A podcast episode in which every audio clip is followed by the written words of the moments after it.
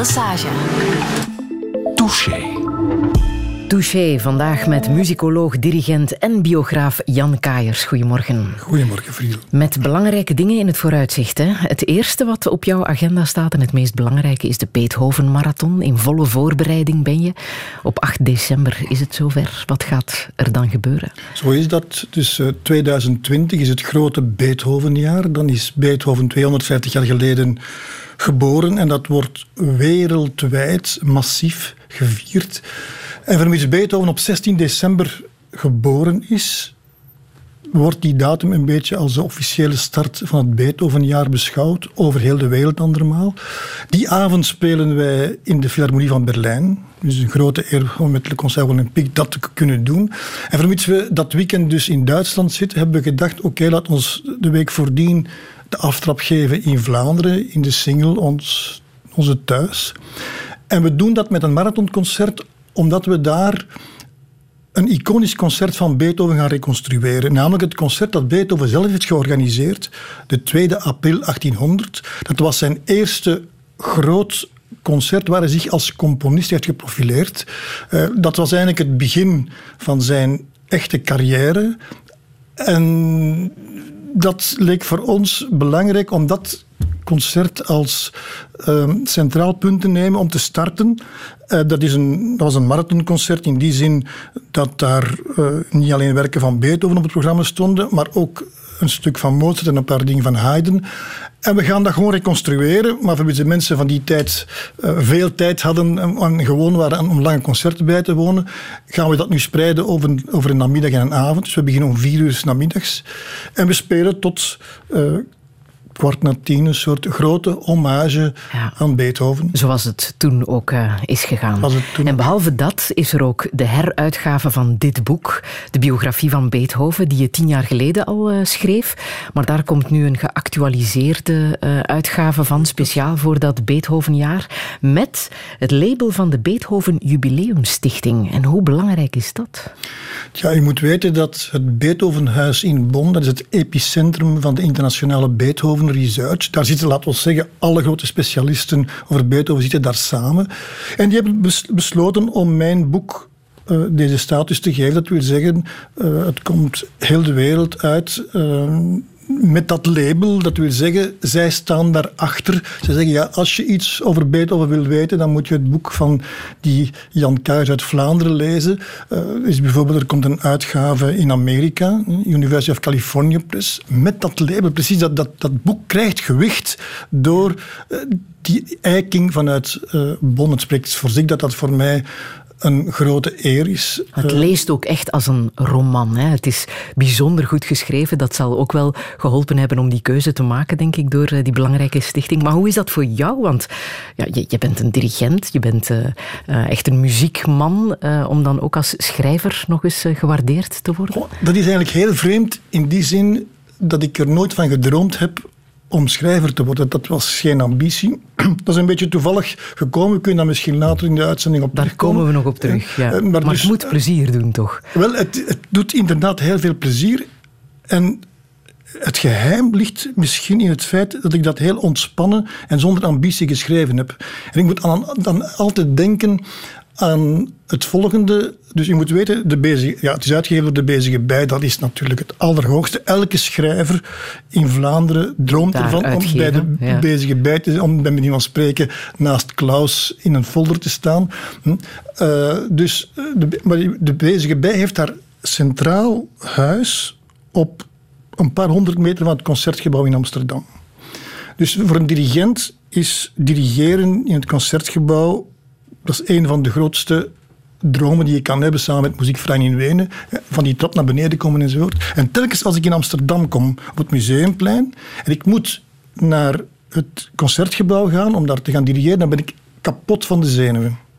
Omdat ik dat eigenlijk als een soort verwezenlijking vind van mijn leven.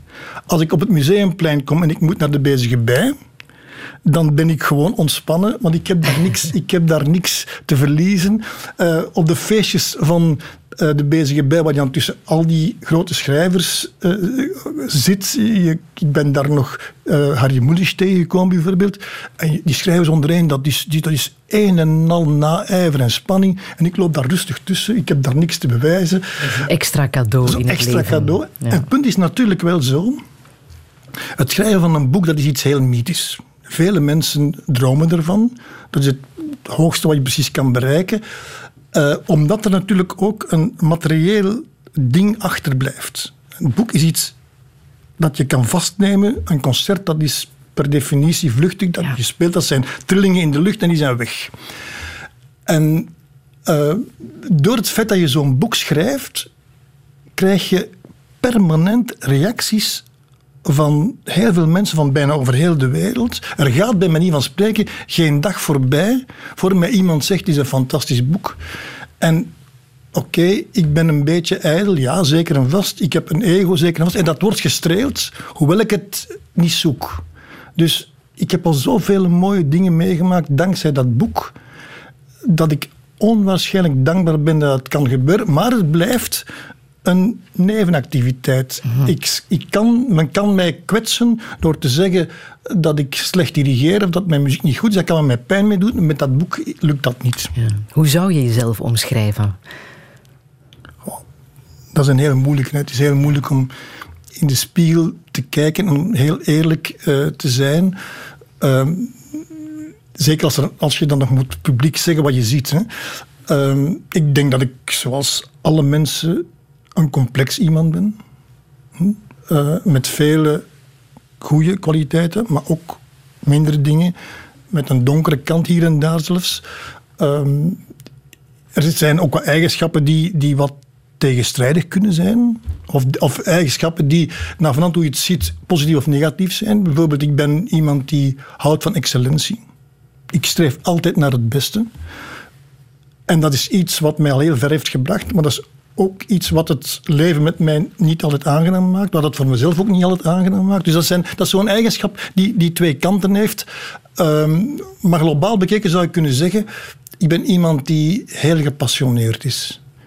Ik ben iemand die enthousiast kan zijn, die men enthousiast kan maken, die alle dingen met overtuiging doet, met veel kracht doet, wat, wat veel energie kost. Ik ben, als ik les geef, als ik repeteer, als ik concerten geef, als ik ga spreken, ik ben altijd heel moe, omdat ik mij 100% geef. Ik ben iemand die geëngageerd leeft. Um, daardoor heb ik een, een boeiend leven. Tegelijkertijd moet ik ook wel zeggen, natuurlijk, ik ben, ik ben ook een kwetsbaar iemand. Men kan mij echt pijn doen, wat voor een leider niet altijd gemakkelijk is. Ik zou veel liever een, een groter olifantenvel hebben, maar ik heb dat niet. Dus men kan mij echt pijn doen.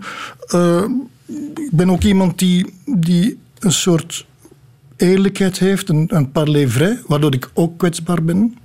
Ik heb al vele conflicten gehad, omdat ik... Men kan mij altijd lezen je kan altijd aan mij zien hoe ik mij voel. Ik kan, ik kan niet verstoppen. Ik heb bij manier van spreken, ik ook niet. Ik heb in ateneum gezeten en niet in een college. Ik heb geen Jezuïetenstreken geleerd. Dus ik kan dat allemaal niet verbergen. Hè. Maar dat zijn allemaal goede eigenschappen maar voor niks, dat zijn al, nee, in, nee, nee, nee. Dat is, Voor een gesprek in touché. Ah ja, oké. Dat is goed. Maar laten we zeggen, dat, Kaiers. nog, één, Ja. nog één ding. Ik denk dat ik echt iemand ben die probeert een goed mens te zijn, die probeert integer te zijn en die een loyale vriend is. Jan Kaiers, welkom in Touché. Radio 1. Friedel Lesage. Touché.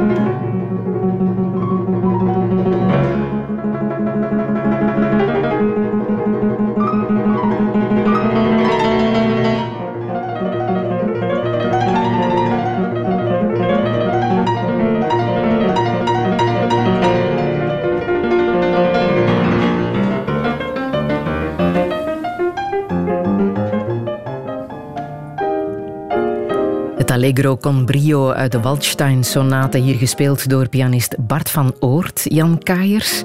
Um, Waldstein, uh, de Waldstein-sonate, die wou jij absoluut laten horen. Hè? Waarom precies?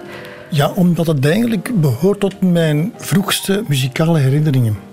Dus ik kom uit een typisch Vlaams middenklasse gezin, uh, zes kinderen. Uh, mijn ouders waren eigenlijk heel traag bij het aankopen van nieuwe dingen. Dus het heeft bij ons altijd heel lang geduurd voor we zeg maar, dat een koelkast hadden, een telefoon, een auto, een televisie enzovoort. Behalve één ding. Mijn vader, die turnleraar was, maar die een grote muziekliefhebber was, die had al heel vroeg een hele gesofisticeerde geluidsinstallatie. Je moet zich dat voorstellen, in die tijd welke een geluidsinstallatie met een versterker, een aparte tuner, een aparte platendraaier en twee grote boxen. En heel vroeg hadden wij bij ons thuis een, een platencollectie. Ehm, waaronder ook een, een plaat met, met uh, aan de ene kant de Waldstein-sonate en aan de andere kant de Appassionata. En we hebben die als kind, want wij mochten met die, dat was het punt, wij mochten aan die gesofisticeerde installatie komen. Wij mochten dat gebruiken. Ook als, al was dat soms eerder misbruik dan gebruik, maar we gebruikten dat. En dus we hebben die, die, die plaat heel veel gespeeld. Dus je moet zeggen, ik ben een kind en je hoort dan dat, en dat zijn nu toevallig twee stukken, waar Beethoven een soort moderniteit heeft aan de dag gelegd. In die zin dat dat is gewoon geen thema waarvan hij vertrekt, maar een bepaald soort klankidee. In dit geval die herhaalde achtste noten, obsessief eh, in, in de diepe, eh, diepe register van de piano. Maar door het feit dat je dat als kind zo dikwijls hoort, beschouw je dat eigenlijk als normaal. Dus ik heb nooit de Waldstein-sonate en de, en de Appassionate als abnormaal uh, ervaren. Dus ik heb dat altijd gevonden, ja, dit is de norm van, van wat muziek is. Hm.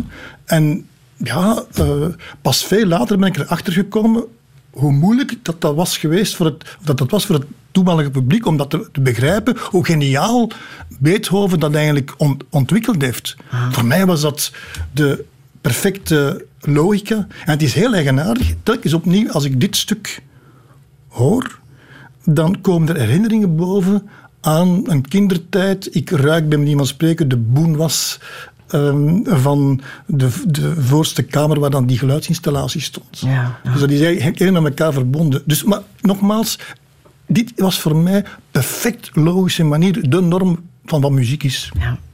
Je hebt al die werken van uh, Beethoven uitgezocht en bestudeerd voor die uh, ultieme Beethoven-biografie, ondertussen tien jaar geleden. Um, gebaseerd op een uh, gigantische bibliotheek van naslagwerken, vermoed ik. Je zal alles gelezen hebben wat er bestaat. Maar er was één man die jou het al meteen heel erg moeilijk heeft gemaakt. De eerste biograaf van Beethoven, Anton Felix Schindler. Je noemt hem een sycophant. Ik had nog nooit van dat woord gehoord, ah. een sycophant. Maar die man heeft het jou al meteen heel erg moeilijk gemaakt. Wat voor man was dat? Niet alleen mij, maar dat we zeggen, alle Beethoven-researchers. De hele eh, biografische uh, reconstructie van het leven van Beethoven. Ja, dus um, Schindler was een soort assistent van Beethoven in de laatste jaren van zijn leven. En op dat ogenblik was wel heel duidelijk dat Beethoven een wereldverdette was. Dus toen, toen Beethoven gestorven is, was dat, is dat bericht uh, verschenen in alle kranten in heel de wereld. Ze was eigenlijk wel een, een, verdette. En Schindler heeft eigenlijk om zichzelf uh, belangrijk te maken een biografie geschreven uh, enkele jaar na Beethovens dood, waarin hij eigenlijk zijn beeld heeft uh, opgedrongen aan de buitenwereld. Hij heeft uh, heel wat dingen verzonnen hm, uh, die ook een soort idee over de kunst van Beethoven vertegenwoordigen. Dus dat was niet zomaar het, het, het, het verzinnen van anekdoten, er zat een soort ideologie achter. En het is interessant om te zien in dit geval er is eigenlijk een, een, een nevengeschiedenis aan. Het is bekend dat Beethoven de laatste jaren van zijn leven doof was. Het is bekend dat hij de laatste tien jaar van zijn leven alleen maar met de buitenwereld kon communiceren via schriftjes, de fameuze conversatieschriftjes. Dat wil zeggen, hij had een schriftje bij zich en de gesprekspartner stelde dan de vraag of, of gaf de repliek in uh, handgeschreven en dan reageerde Beethoven met uh, normaal, oraal. Dan de gesprekspartner vulde opnieuw een, een, een, een quote in of een, een vraag in enzovoort. En Beethoven heeft al die schriftjes bijgehouden. Dat is natuurlijk een enorme bron over de thema's waarover Beethoven gesproken heeft. En hoewel we natuurlijk zijn bijdrage niet kennen, want per definitie uh, staan die er niet in, kunnen we ook wel veel afleiden uit datgene wat, er in die, wat de gesprekspartners dan zegden. Bon, en wat heeft Schindler dan gedaan? Die heeft een groot gedeelte van die schriftjes vervalst. Hm? Dus hij heeft die in beslag genomen, heeft die vervalst, precies om dat beeld te kunnen manipuleren in de richting die hij wilde. Hij wilde vooral ook zelf erg belangrijk zijn. En wilde hij natuurlijk zelf heel belangrijk zijn, hoewel hij natuurlijk maar een kruiper was die niet anders gedaan heeft dan, dan heel nederig uh, Beethoven ten dienste gestaan heeft. Was een middelmatige figuur die zichzelf eigenlijk heeft grootgemaakt door op de schouders, een dwerg die op de schouders gaan van Beethoven gaan zitten is om zich belangrijk te maken, maar die voornamelijk het Beethovenbeeld gemanipuleerd heeft. Want we mogen toch niet vergeten dat het probleem waarmee wij allemaal vechten is dat het beeld dat we hebben van Beethoven, dus u kent die buste, die, dus die mhm. man met de, de, wilde haren, dat grote voorhoofd, die verbeten blik. Uh, die In hoeverre komt die overeen met hoe hij moet geweest zijn? Wel, dat is het beeld van de, van de late Beethoven. Dus het is zonder twijfel zo dat de oude Beethoven een ziekelijke, paranoïde uh, man was, die, die een heel moeilijk karakter had, die door het feit dat hij echt niks meer hoorde, in zichzelf gesloten was enzovoort, die op dat ogenblik al niet meer begrepen was door zijn omgeving. Wel, dat beeld hm, heeft men vervolgens naar voren geëxtrapoleerd. Men heeft ook al de jonge Beethoven als dusdanig afgeschilderd, terwijl eigenlijk de jonge Beethoven een hele minzame, charmante man is geweest. Dat kunnen we uit zijn brieven afleiden. Dus met andere woorden, het beeld dat wij van Beethoven hebben, is een, het beeld van de late Beethoven. Bovendien is dat een beeld dat natuurlijk in de 19e eeuw gekoesterd werd, omdat toch de 19e eeuw de eeuw is waarin, laten we zeggen, de Duitse burgerij hm, van oordeel was dat de mens in staat was om zelf carrière te maken als hij maar hard genoeg werkte, als hij maar talent had. Maar hij kon zelf genoeg, hij kon als hij maar consequent genoeg was, het verbrengen in de samenleving. Het was een nieuw beeld, dat was in de 18e eeuw niet mogelijk. En Beethoven was eigenlijk een soort icoon die dat gerealiseerd heeft, die namelijk van niets komende, maar door inderdaad gedreven te willen wat hij wou, het zover gebracht heeft. En met andere woorden, dat beeld is dan door, de, door die 19e eeuw op een sokkel geplaatst en geïdealiseerd. Ich hört ein Bächlein rauschen, wohl aus dem Felsenquell. Hinab zum Tale rauschen, so frisch und wunderhell.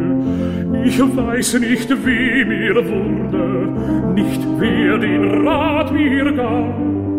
Ich musste auch hinunter mit meinem Wanderstab. Ich musste auch hinunter mit meinem Wanderstab. Hinunter und immer weiter und immer dem Bache nach. Und immer frischer rauschte und immer heller der Bach. Und immer frischer rauschte und immer heller der Bach. Ist das denn meine Straße? O Bächlein, sprich, wohin? Wohin, sprich, wohin? Du hast mit deinem Rauschen mir ganz berauscht den Sinn. Du hast mit deinem Rauschen mir ganz berauscht den Sinn. Was sag ich denn vom Rauschen? Was kann kein Rauschen sein? Es singen wohl die Nixen tief unten ihren Rhein. Es singen wohl die Nixen tief unten ihren Rhein. Lass singen, Gesell, lass rauschen und wandre fröhlich nach. Es gehen ja Mühlenräder in jedem klaren Bach. Escidia milen Räder in jedem klaren Bach. Lass singen Gesellas Rauschen und wandre fröhlich nach, fröhlich nach,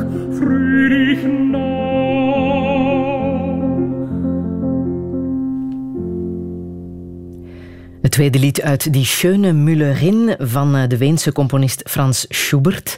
Jan Kaiers, waarom wou je dit absoluut laten horen?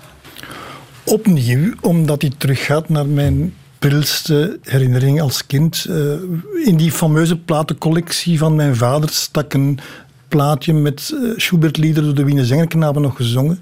En ook dat hebben we plat gespeeld. Wanneer men mij vraagt wat is de mooiste muziek die je zou willen meenemen naar dat fameuze eiland, dan denken alle mensen dat ik Beethoven zou zeggen. Ja, dat zou kunnen. Dat zou kunnen Mozart en dat zou kunnen Bach zijn. Maar eigenlijk zeg ik, dat is Schubert. Ik vind Schubert de componist die de mooiste muziek geschreven heeft. Dat heeft er natuurlijk mee te maken met het feit dat dat gezongen muziek is. En dat zeg ik natuurlijk misschien een beetje omdat ik zelf een heel slechte stem heb en omdat ik een van de grootste manco's in mijn leven vind dat ik niet kan zingen. Dat, is het grootste gemis, omdat zingen is de hoogste vorm van, van muziek maken. Je hebt geen barrière van een instrument, je hebt geen materiële barrières. Dus het is het lichaam dat onmiddellijk in verband staat met de ziel en uitdrukt. Iets uitdrukt. Bovendien Zingen is een nobele vorm van spreken, een verhoogde vorm van spreken.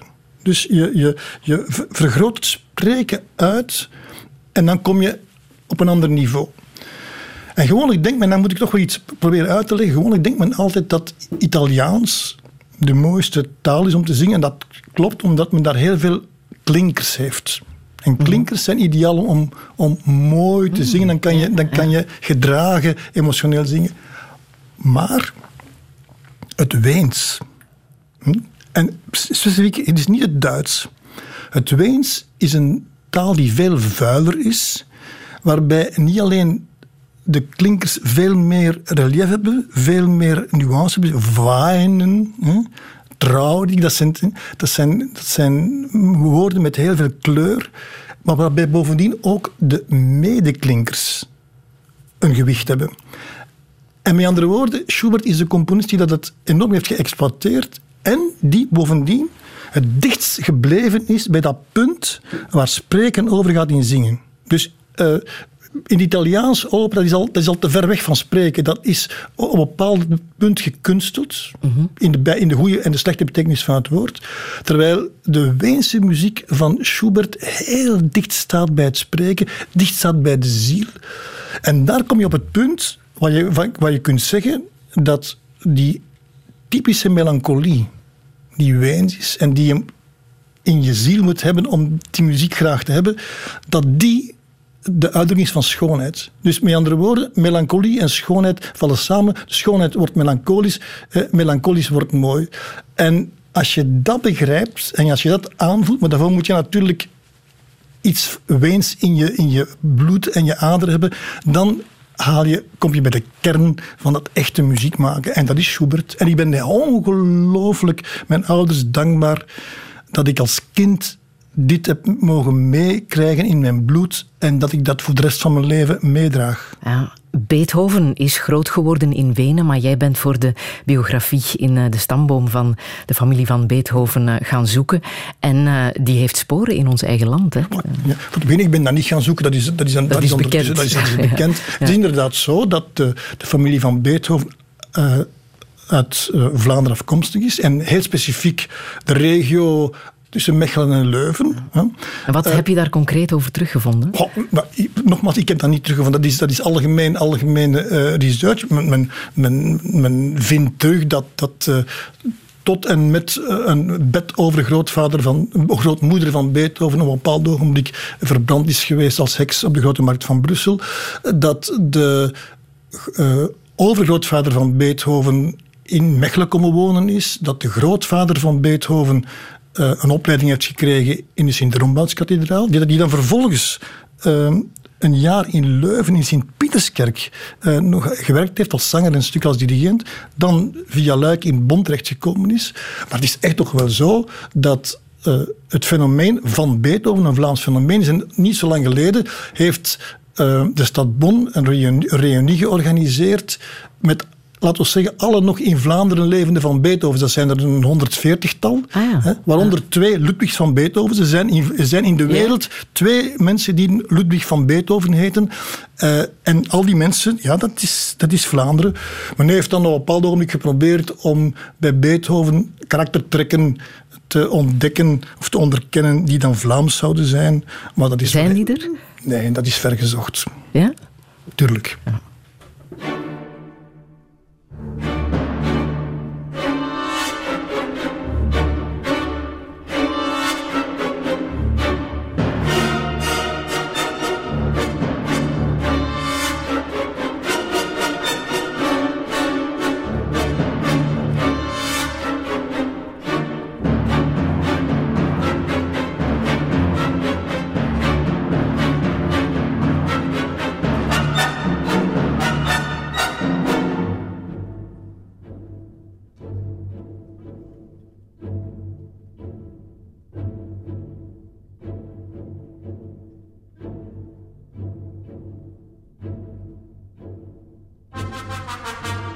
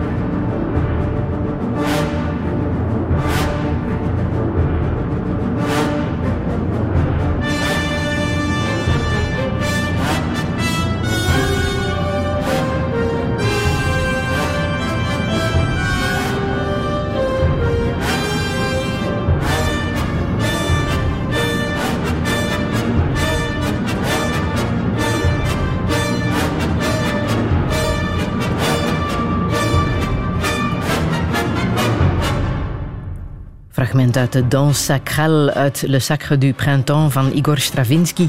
Uitgevoerd door het Cleveland Orchestra onder leiding van Pierre Boulez. En dat is vooral de naam waarom je het wou laten horen. Hè? Jan Kaiers, de dirigent. Ja, dit is eigenlijk een, een sternstunde in mijn leven geweest. U moet weten dat Pierre Boulez was een van de belangrijkste figuren uit de internationale muziekwereld in de tweede helft van de 20e eeuw. Hij was een heel bekende componist, maar ook een belangrijke dirigent, voornamelijk van 20e eeuwse muziek. Hij is jarenlang chef-dirigent geweest in New York. Hij heeft onder andere dan bijvoorbeeld ook uh, de fameuze jaarhonderdring in Bayreuth gedirigeerd met Patrice Chéreau nog in 76. Uh, had dan in Parijs het fameuze IRCAM, dat is die grote instelling voor hedendaagse muziek. Dus Boulez was op een bepaald ogenblik de, of het icoon van de 20e eeuwse muziek. Hij, zijn uitvoeringen van Sacre du Printemps waren legendarisch. De man heeft ook een belangrijk artikel erover geschreven dat eigenlijk voor alle studenten in de wereld belangrijk is om gelezen te hebben voor je de Sacre du Printemps dirigeert. En ja, tussen 93 en 97 was ik assistent van Claudio Abbado bij het Gustav Mahler Jugendorkester in Wenen. En daar waren ook gastdirigenten. En een van die gastdirigenten was Pierre Boulez. Met de bedoeling dus om de Sacre du Printemps te dirigeren. En ik moest dat dan voorbereiden voor hem. En Boulez had me dan geïnviteerd om naar zijn appartement in Parijs te komen om die productie voor te bereiden. Dus een, een zonnige dag in mei zat ik op het appartement van Pierre Boulez op de 27e verdieping. Een prachtig appartement, aan, vlak bij de Eiffeltoren. En dan heeft de grote meester hemzelf gedurende, denk zes, zeven uren mij blad, zijde na bladzijde, getoond hoe de Sacre du Printemps in elkaar zit en hoe ik dat moest dirigeren. Dat, daar ging een enorme kracht vanuit. Daar was met een concentratie. We hebben enkel een paar glazen wijn gedronken. Uh, excuseer, een paar glazen water gedronken. wat, een verspreking. We hebben een aantal glazen water gedronken. Ik uh, durfde op een bepaald moment amper te vragen of ik even naar het toilet mocht gaan. Maar daar ging zo'n focus uit van die grote meneer Boulez, die eigenlijk de moeite nam om mij dat allemaal rustig uit te leggen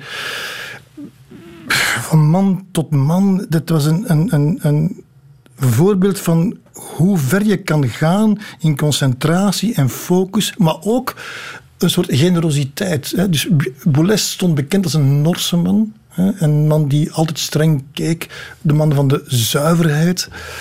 Um, maar die was heel genereus. Die, eh, ja, hij, hij moet zeggen, hij had ook wel veel respect voor wat ik deed. Want we kenden elkaar ook al van vroeger, via, via Claudio Abado dan. En je voelde dat ook, zijn respect voor mij, waardoor hij het de moeite vond om mij uit te leggen. Ja, dat is gewoon in mijn leven een van die momenten, ja, zoals ik zei, een sternstunde. Ja, ja. Het allerhoogste. Je hebt, uh, muzikologie gestudeerd, hè? Ja. En ook dwarsfluit. Ja. Waarom precies uh, dat instrument? Goh, de voorgeschiedenis is eigenlijk deze, dat ik eigenlijk heel vroeg piano ben beginnen te spelen.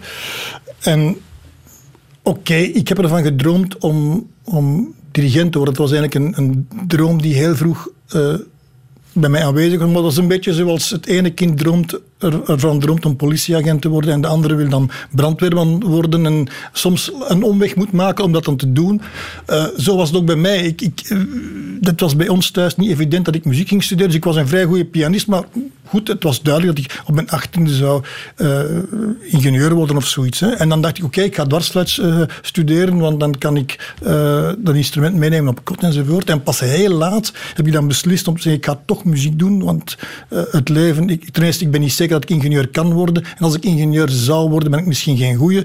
Mijn missie is toch brandweerman worden, zeg maar, dus dirigent worden. Ja. En, en dan heb ik gezegd, oké, okay, ik ga, ik ga uh, conservatorium combineren met, met uh, universiteit.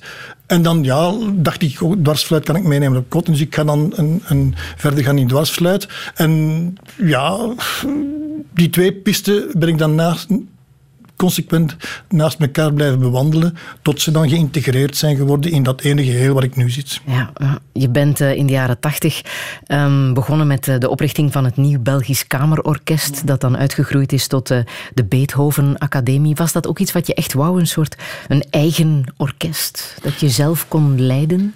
Ja, je moet rekenen, daar hebben eigenlijk twee dingen gespeeld. Hè. Het eerste is, het is niet evident om als jonge dirigent uh, een carrière in te stappen. Want je zit een beetje in een uh, vicieuze cirkel. Je hebt ervaring nodig om een goede dirigent te worden, maar je kan maar dirigeren als je de kansen krijgt, dat wil zeggen als je reeds ervaring hebt. Dus je moet eigenlijk als jonge dirigent zelf de omstandigheden creëren om dat vak te leren. Dus dat wil zeggen, de oprichting van een eigen orkest is op dat punt een goed middel.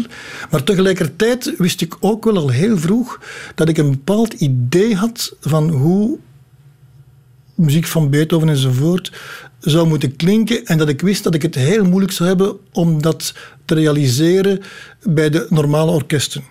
Dus met andere woorden, het oprichten van een eigen apparaat was uh, het creëren van een vehikel om eigenzinniger te kunnen doen wat ik wilde. Mhm. Zeker als je onervaren bent, dan maak je bij grote orkesten geen kans om een nieuw idee door te zetten. Mhm. En dus het maken van een nieuw orkest was op dat punt de enige mogelijkheid. Is trouwens ook de reden waarom ik tien jaar geleden Le Conseil Olympique heb opgericht. Omdat ik ook dacht van, ja, kijk, wat is nu de ideale manier om Beethoven te spelen? Hoe ziet het vehikel eruit uh, waarmee ik dat kan doen? En dan blijft nog altijd zo'n eigen orkest het beste. Ja. Nu, die Beethoven Academie heeft onder jouw leiding tien jaar bestaan. Jij bent na tien jaar uh, opgestapt. Hoe, hoe pijnlijk was dat voor jou om je eigen orkest te moeten verlaten? Ja, dat is een van de grote littekens in mijn leven. Hè. Mhm. Dus ik uh, heb daar met alles wat ik had hard aan gewerkt. Uh, om dat orkest te laten bestaan. En dat was eigenlijk ook wel vrij succesvol. We waren ook goed gesubsidieerd in die tijd. Dus dat was eigenlijk vrij succesvol. Ik had zelfs op een bepaald ogenblik mijn baan aan de universiteit. Want ik was professor aan de universiteit. Ik heb dat op een bepaald ogenblik zelfs opgegeven om me daar te kunnen focussen. Maar dan op een bepaald ogenblik was er toch een probleem van subsidiëring precies. Dat was onder, onder Bertoncio. Uh, waardoor we verplicht waren om een strategische koersverandering door te voeren. En ik had er een andere mening over dan de muzikanten. Uh, ik vond dat we dat op een andere manier moesten doen. En dat was, heeft dan geleid tot een conflict. En ik heb dat conflict verloren. Uh, met het gevolg dat ik van vandaag op morgen zonder werk zat. Uh, het orkest is overigens kort nadien ook over kop gegaan. Dat is nog een ander ding. Ik zal later ooit nog wel eens in mijn waarde schrijven wat daar de achtergronden van waren, want heel proper was dat niet. Daar hebben ook mensen van buiten het orkest een, een, een, slechte rol in gespeeld. Maar goed, dat was een enorme catastrofe voor mezelf. Maar achteraf bekeken is dat eigenlijk het beste wat mij kon eh, overkomen. In die zin, ik was plotseling in een soort leegte. Ik wist toen reeds, ik kom vroeg of laat terug met een nieuw orkest. Ik, dat uh, was mijn heilige overtuiging. En ik dacht, oké, laat me dan in afwachting van dat nieuwe orkest, laat ik me dan manifest schrijven over Beethoven, zodanig dat ik mijn nieuw orkest intellectueel kan onderbouwen. En dat manifest is dan uit de hand gelopen. Dat is dan uh, een dik boek geworden, veel dikker dan ik had gedacht. Het heeft ook veel langer geduurd om het te schrijven. Maar het is wel zo dat dat een kantelpunt is uh, geworden, waardoor ik inderdaad nu internationaal beschouwd wordt als de Beethoven-referentie, wat zonder dat boek niet zou gebeurd zijn. Dus met andere woorden, dankzij die grote crisis uh, heb ik een kwaliteitssprong kunnen maken in mijn carrière uh, die ik anders niet zou gemaakt hebben. Dus eigenlijk moet ik heel blij zijn dat dit zo gelopen is. Maar wat niet wegneemt dat het een harde tijd is geweest en ik nog altijd dat litteken heb. Ja, een beetje te vergelijken met wat Beethoven zelf ook heeft meegemaakt toen hij te horen kreeg dat hij uh, doof werd en dat dat alleen maar erger zou worden.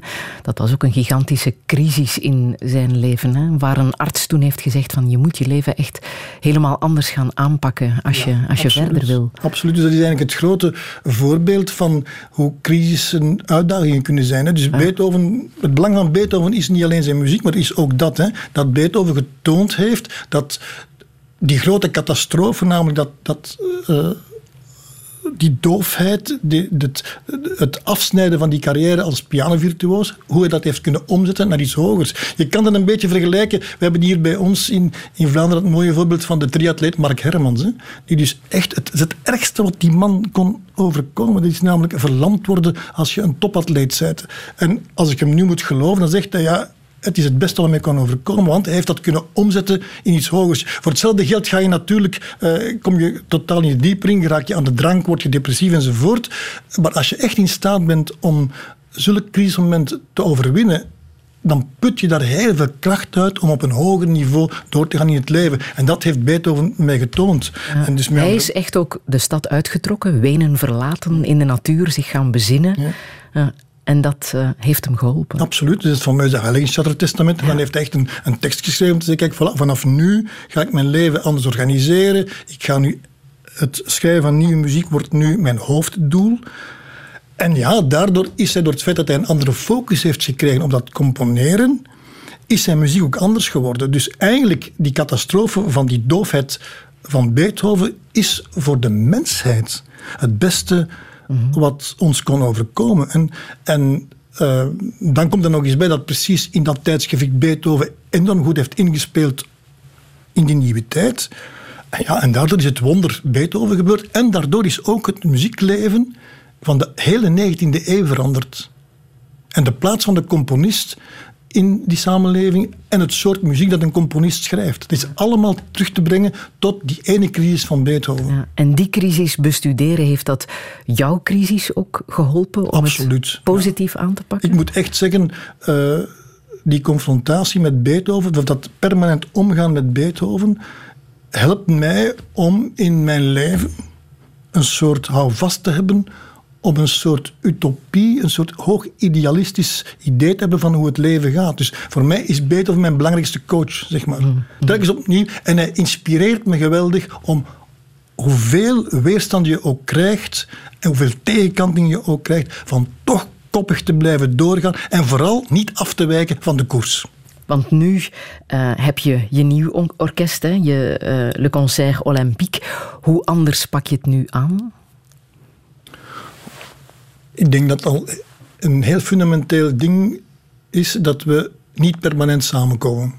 Dus we komen maar drie keer per jaar samen. Dus drie keer per jaar komen 50 muzici van heel Europa samen om heel gericht en heel gefocust een productie te doen. Een productie die een soort feest is, waarop iedereen zich verheugt, waarop iedereen uh, goed voorbereid is en waar vooral geen routine is. Dus de mensen komen alleen zuiver om die muziek te maken zoals ik ze in mijn hoofd heb. Hm, met een heel bepaalde lijn, hm, met heel veel motivatie en niet zozeer om een boterhap te verdienen. Zodra, en dat is ook heel menselijk, hè, maar zodra een orkest, en dat was bij de Beethoven Academie het geval, zodra de mensen elke week samenkomen omdat dat hun werk is, omdat ze ook op het einde van de maand een maandloon hebben, ontstaat toch een soort routine. En routine heeft goede kanten, maar routine heeft ook slechte kanten. En bij Le Conseil Olympique hebben, hebben we dat helemaal niet. Hebben we echt het gevoel van iedereen komt met hart en ziel en overtreft zich hè, eh, op een bijzondere manier. En dan kom je op het punt, hè, het excellente hangt samen met het exclusieve. Je kan niet een heel jaar lang met excellentie bezig zijn. Dat is een beetje zoals topatleten. Topatleten kunnen maar bepaalde piekmomenten in, inlassen in hun carrière. Ze kunnen niet elk jaar Olympische Spelen uh, doen. Je hebt rustpauzes nodig, je hebt curves nodig. Wel nu, dat hebben we met Le Concert Olympique zeker, door het feit dat onze producties um, exclusief zijn, zeer uitzonderlijk zijn wat betreft in timing, mhm. ontstaat het uitzonderlijk op het gebied van de kwaliteit. Zoals nu met de Beethoven Marathon dat belooft. Absoluut, dus wij zijn daar nu reeds allemaal op, op, gefocust. dat wordt een feest, precies omdat we daar wekenlang naartoe leven en dan ontploft dat en dan komt er een soort energie vrij die je bij andere concerten niet hebt, wat het publiek trouwens ook heel goed merkt.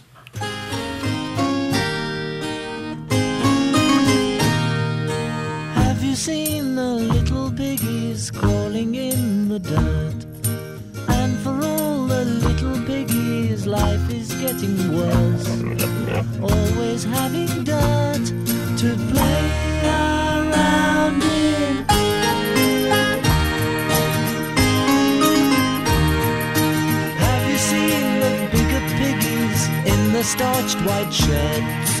You will find a bigger piggy stirring up the dirt always have clean shades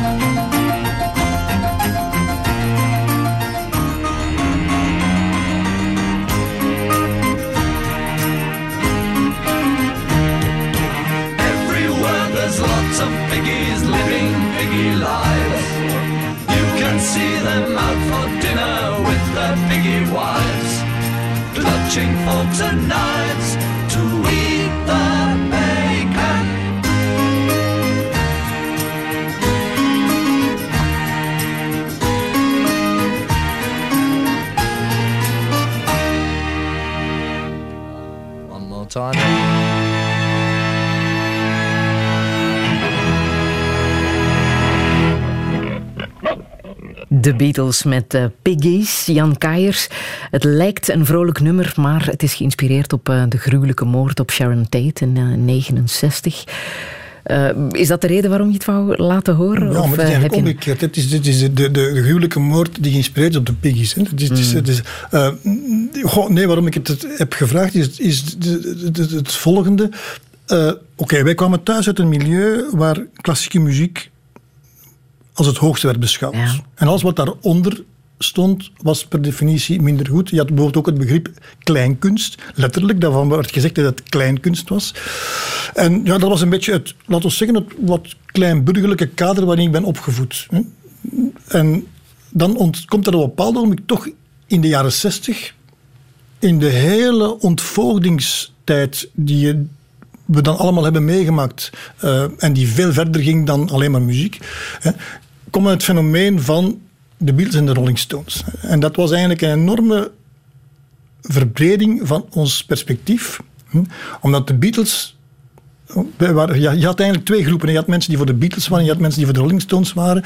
Wij waren de braveren, wij waren uh, aanhangers van, van, van de Beatles. Uh, dat was een, een, die stond eigenlijk symbool voor, voor ja, de, de ontvoogding. De, de Beatles, de genialiteit van de Beatles lag in het feit dat ze erin geslaagd waren om de tijdsgeest te vatten in muziek op een zeer poëtische manier overigens. Hm? En dan, ja, dat, dat, heb je dan die, die, die, die, fameuze witte LP van, van, van de Beatles, waar die we ook plat gedraaid hebben. Dat, dat was, dat was een, een ontdekking. En die Piggies had dat, dat, ja, die, die, dat die thema van die... Eh, want eigenlijk is het Orwell, hè, Animal Farm. Alle dieren zijn gelijk, maar de ene wat meer dan de andere. Zit daar natuurlijk in. Dat was een soort sociale aanklacht tegen de ongelijkheid eh, in de samenleving. Wat in van die tijd was, want dat was die tijd waar men daar toch in, tegen in opstand kwam. Dus met andere woorden, ja, dat was zo voor ons een, een, een middel om te zeggen van ja, kijk, uh, we moeten iets aan de samenleving doen en, en in dat stuk zat dat in. Maar natuurlijk is het ook zo, ik kan dat niet ontkennen, eh, er zijn straffennummers van de Beatles enzovoort, maar wij hadden daar een soort voorkeur voor, voor, dat nummer, omdat dat wat connecties had met, met, met klassieke muziek. Hè. Dus de, de story is bekend, ze gingen dat opnemen. Uh, en dan stond toevallig in die studio nog een klavecimbal. Uh, omdat er de dag voordien en de dag nadien een, een klassieke muziekopname uh, zou doorgaan. En dan heeft men dan gewoon gezegd, oké, die staat er nu, laten we die gebruiken.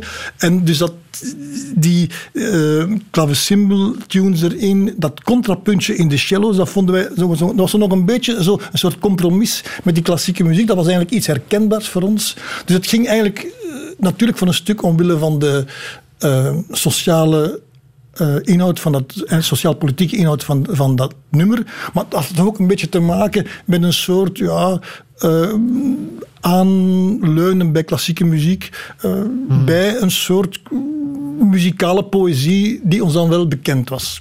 Hoe komt zo'n gedreven man als jij tot rust? Heel moeilijk. Ja. Dat is mijn grootste probleem. Ja? Ja, mijn molen draait heel de tijd door. Hè. Dus ik kan, ik kan mijn, mijn verstand niet omhoog zetten.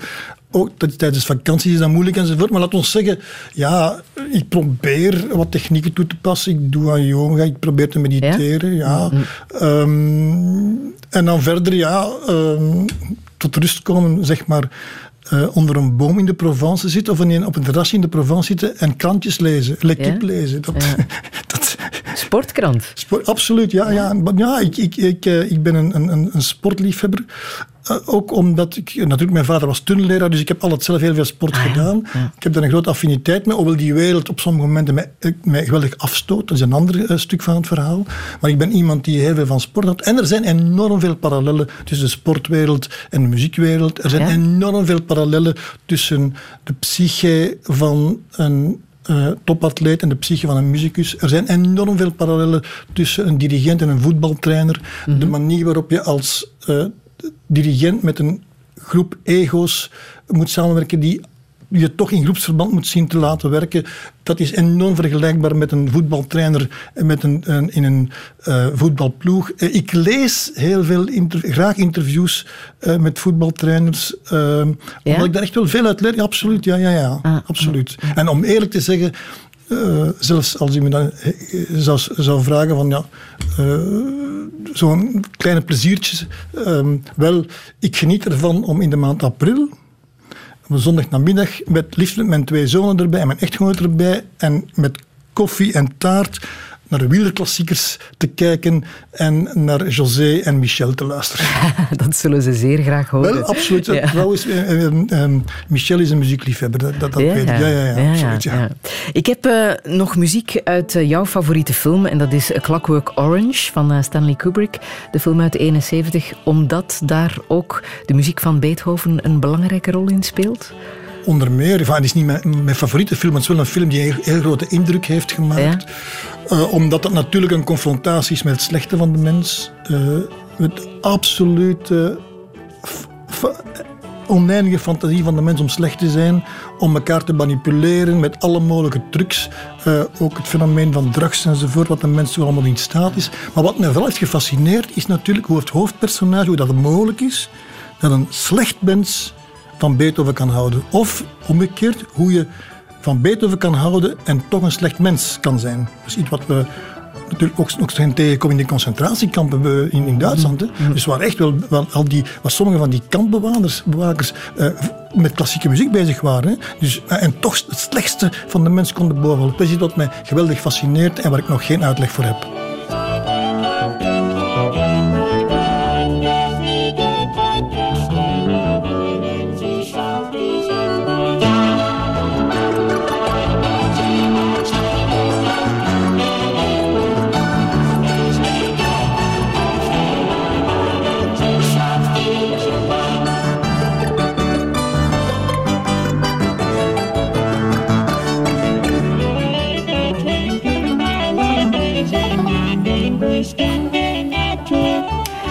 Negende symfonie van Beethoven, zoals die bewerkt en uitgevoerd is door eh, Wendy Carlos voor eh, A Clockwork Orange van Stanley Kubrick.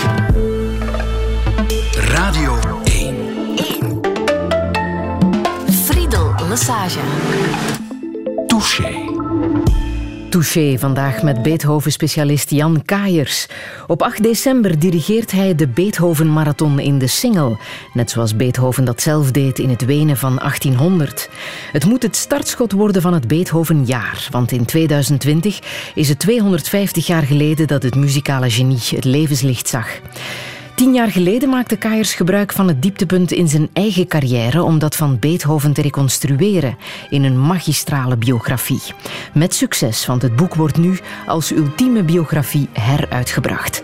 Maar hoe moet het verder? Hadden we Beethoven gekend als hij niet financieel en materieel gesteund was geweest? En wat heeft hij ons te leren over de liefde? Dit is Touché met Jan Kaiers. Goedemiddag.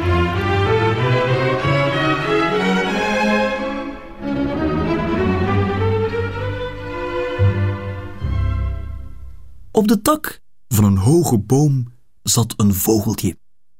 Het was een vriendje van Peter. Alles is rustig, kwetterde het vogeltje vrolijk.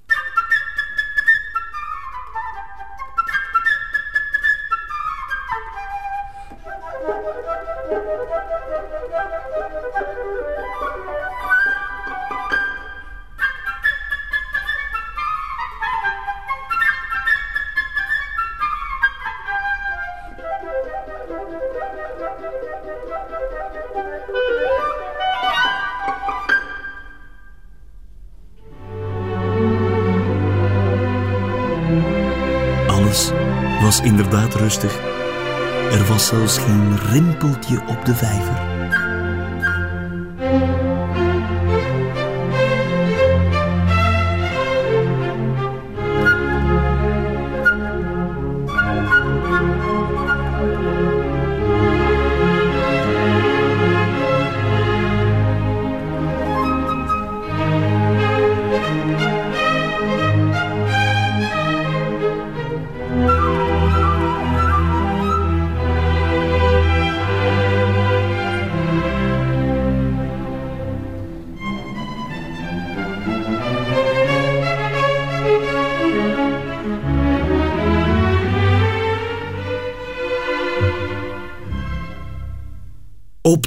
Ogenblik verscheen er een eend in de weide.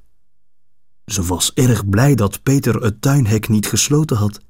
Ze maakte van de gelegenheid gebruik om naar de vijver te lopen.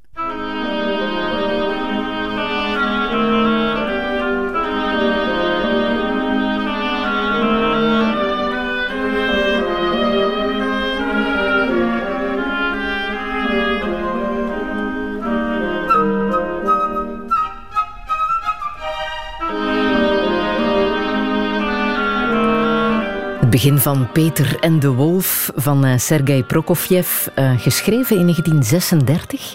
En hier uh, nog eens verteld door Bart Peters, waarin elk dier wordt verbeeld door een instrument. Jan Kaiers, het is jou ook niet onbekend natuurlijk, hè? dit prachtige stuk muziek. Nee, ik ben een beetje verrast dat het nu komt, maar ik ben eigenlijk blij omdat ik ook weer naar een herinnering kan teruggaan uit mijn kinderjaren. Um, en dan zou je zeggen, ja, wat is het lot? Hè? Um, op een bepaald ogenblik eh, in de lagere school, ik zat denk ik in het derde studiejaar of in het tweede, zoiets, ja, um, was het gewoonte om op het einde van het jaar bij de prijsuitreiking uh, voerden de kinderen dan de verschillende klasjes een nummertje op en, bepaald, en dus de, de leerlingen van het eerste en tweede studiejaar beelden toen uh, dit stuk uit. Dat werd dan verteld en dat, uh, dat de muziek werd dan op band uh, uitgezonden. En men heeft dan zo'n orkestje gesimuleerd. En alle kindjes op school die een instrument hadden, mochten dan vooraan komen zitten en dan werd er zo een, een, een orkestje gefaked. Hè. Dus ze moesten doen alsof ze speelden, terwijl natuurlijk dit, dat, dat bandje liep. En op een bepaald moment vond men dan toch van, ja kijk, uh, we hebben daar een dirigent voor nodig. En we zaten toen met alle leerlingen van de lagere school in de turnzaal. En de lerares van het tweede studie, mevrouw Van Baklee nog, die uh, zei, ah, ik heb in mijn klas een jongetje zitten dat dat misschien heel goed gaat doen. En die haalt mij daar uit die groep uit van, wilt je dat alstublieft dirigeren? En heeft mijn papa heeft dan een bamboestokje uh, Jouw eerste dirigentenstok. eerste dirigentenstok was een bamboestokje. En, mijn papa, en ik heb dat stuk dan thuis geoefend. Want dat is niet vanzelfsprekend om het te dirigeren. Want daar komen dus maatwisselingen in enzovoort. en toen als ik was ja, 7, 8 jaar, besefte van echt wel van, ja, kijk, ik, eh, hoe moet ik dat dirigeren? Ik ben dan ook naar de muzieklerares gevraagd, gegaan om te vragen van, ja, moet, hoe moet je dat hier doen? Is dat in twee of in drie? En die zei, maar manneke, toch, moet ik gewoon doen. Alsof. en ik was erover gechoqueerd. Uh, maar dat komt nu, die herinnering komt nu ineens terug boven van, ja, dat was eigenlijk het begin van mijn dirigentencarrière. Ja, en dit is ook wel een heel erg belangrijk muziekstuk geworden als het gaat over muziek in het onderwijs. Uh, is er trouwens volgens jou voldoende aandacht voor muziekonderwijs? Ja, het antwoord is natuurlijk duidelijk nee. Hè. Dus als we een grote crisis hebben wat betreft de opkomst van jongeren uh, bij klassieke concerten, en dat is over heel de wereld zo, dat is niet alleen bij ons, zoals ook, ook in Duitsland, het publiek is, is echt wel niet meer zo jong, dan heeft dat te maken met, met opvoeding. Het heeft ermee te maken dat de kinderen daar gewoon geen kennis mee, mee maken, dat ze ook geen kans krijgen om er een liefde voor te ontwikkelen enzovoort. Dat geldt overigens niet alleen voor uh, klassieke muziek, dat geldt ook voor kunst, dat geldt ook voor literatuur. Dat zijn allemaal dingen die mhm. erg verwaarloosd worden. En ja, dan moet men niet verwonderd zijn als men niet zaait, dat men dan ook niet oogst. Mhm. Waarom is het interessant en belangrijk om muziek te kennen, om bijvoorbeeld ook een instrument te leren bespelen? Waarom is dat goed? Schoonheid, het contact met schoonheid. Sowieso. Dat, dat, dat kinderen leren dat er iets anders is dan, dan uh, materiële dingen. En daar komt er nog eens bij dat muziek abstract is. Dus uh, literatuur en schilderkunst hebben in de regel nog associaties, nog connotaties met een werkelijkheid. Muziek heeft dat niet. En uh, muziek leert dus de schoonheid van abstract denken te ontwikkelen. Het is ook een vaardigheid waarvan ik overtuigd ben dat ook de hersenen uh, cultiveert om in een bepaalde richting te denken, om dus inderdaad verder te denken dan het pure vanzelfsprekende, het pure banale, het puur, het puur materiële. Mhm. Want veel mensen hebben schrik hè, van klassieke muziek, van klassieke instrumenten. Hoe komt dat eigenlijk? Goh, dat heeft voor een stuk te maken met toch het feit dat dat nog altijd geassocieerd wordt met een bepaald soort milieu. Mhm. Dat is allemaal veel minder dan vroeger, maar dat is nog altijd het geval. Maar je moet niet vergeten dat muziek een belangrijk probleem heeft. Namelijk, muziek verloopt in de tijd. Muziek heeft betekenis. In muziek zijn er samenhangen, maar muziek verloopt in de tijd. Dat wil dus zeggen dat je het vermogen moet hebben om verbanden te leggen van dingen die je niet tegelijkertijd kan registreren. Dus als je een schilderij ziet, heb je onmiddellijk een globaal beeld. En vanuit dat globaal beeld gaat je vervolgens naar de details kijken. Bij muziek is het omgekeerd. Bij muziek is het zo dat je, dat je seconde na seconde een stuk scant. En als je een stuk de tweede keer hoort en de derde keer kan je met een beetje meer afstand horen. En pas de tiende of de twintigste keer hoor je pas de samenhang. Het is alsof je een schilderij zou bekijken en dat gewoon heel traag centimeter na centimeter zou scannen en na een half uur zou, zou, beneden in de beneden rechterhoek zijn. Dan heeft niemand een beeld van dat schilderij.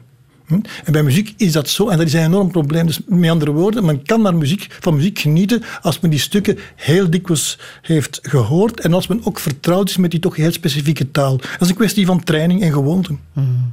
Jan Kaiers, ik wil met jou even terug naar het nieuws van uh, exact een week geleden. Toen werd aangekondigd dat er in de cultuursector stevig bespaard zou worden. Vooral de projectsubsidies voor uh, jonge kunstenaars moeten eraan geloven. Hoe is dat uh, besparingsnieuws bij jou binnengekomen? Als ik het woord uh, subsidie hoor, dan krijg ik al pijn in mijn buik. Ik ben blij dat ik denk dat ik de kans krijg om dat eens te zeggen. Dus wij kunnen niet zonder subsidies.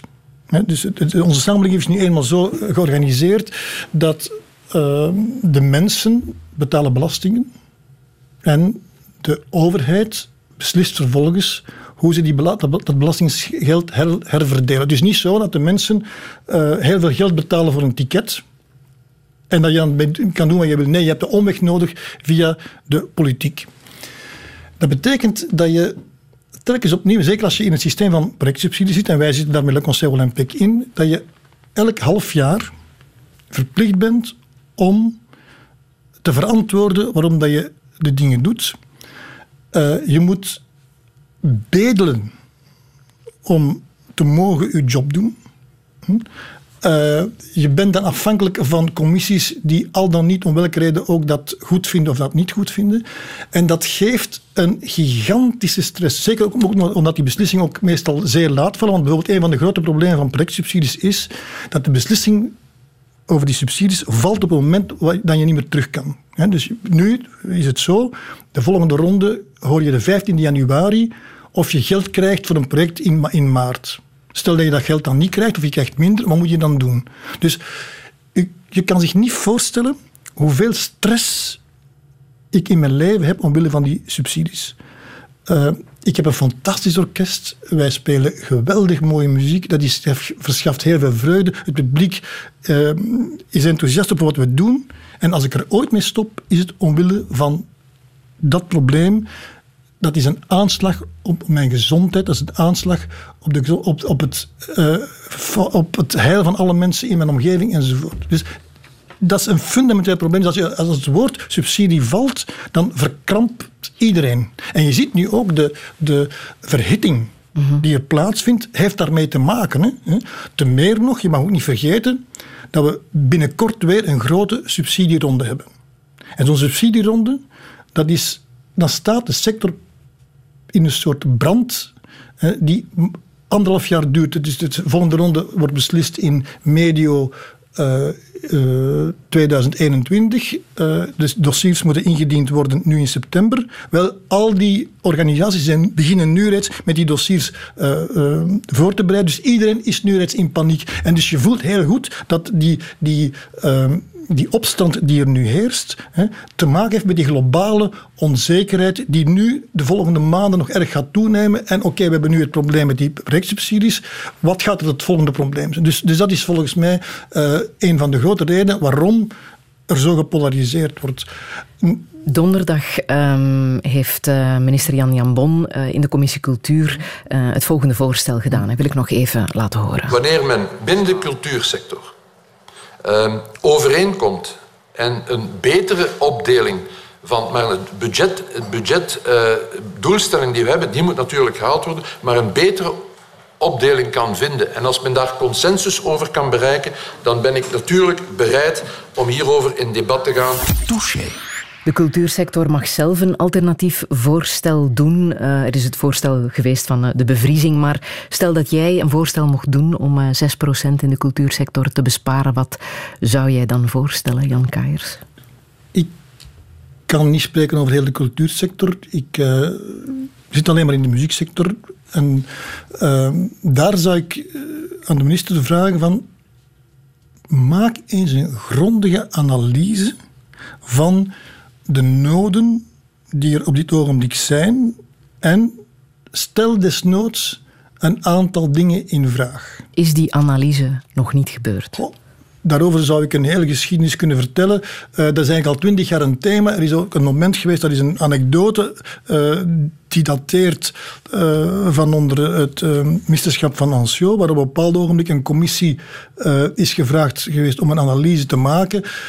en die, die commissie, die daar zaten echt grote mensen in. Karsten Wit van Berlijn, Martin Sanders van, van het Concertgebouw in Amsterdam, uh, Michael Campbell White uit Londen. Die, die waren op weg naar, naar, van Amsterdam naar Brussel om met de minister te bespreken. En toen hoorden ze op de radio dat de minister had besloten om het Brussels Philharmonic een, een te laten sluiten met, met Flaget. En die zijn toen, om, die zijn toen rechtsomkeer, hebben toen rechtsomkeer gemaakt, omdat ze ja, wat moeten we nog doen als de minister nu reeds vlak voor ons, onze neus, reeds een beslissing neemt. Dus dat is een, een thema dat reeds ettelijke jaren boven onze lucht hangt. En het zou goed zijn mocht de minister eens de oefening doen om met experts erbij uh, om te zien of we inderdaad nog vier symfonieorkesten nodig hebben. Dus we hebben op dit ogenblik vier grote symfonieorkesten nodig. Uh, we weten dat er in Brussel ook nog twee zijn. Uh, dat er dan nog, zowel in Antwerpen, in de Elisabethzaal als in Bozar, als dat daar uh, heel veel gastorkesten optreden, internationale gastorkesten optreden. Dus met andere woorden, de mensen die, die de symfonieën van Mahler willen horen, wat heel belangrijke symfonieën zijn, ik ben daar ook een grote fan van, die zijn waarschijnlijk heel goed bediend en veel te goed bediend. Dus ik moet een beetje denken aan wat Patrick de Waal heeft gedaan toen hij pas minister was. Die heeft de heel moeilijke en moedige beslissing genomen om de twee operas toen van Antwerpen en Gent te fusioneren. Dat heeft heel veel ophef gemaakt toen. Het gevolg is wel, één, dat er in, toen een enorme besparing is gebeurd, maar twee ook dat er een enorme kwaliteitsverhoging gekomen is van de opera. Sindsdien is de, de Vlaamse opera een opera van heel hoog niveau. En we hebben in Vlaanderen een aantal uh, symfonische orkesten die dat hoge niveau potentieel in zich hebben, maar die net te weinig middelen krijgen, precies omdat de middelen zo versnipperd zijn. Dus jij stelt een fusie voor?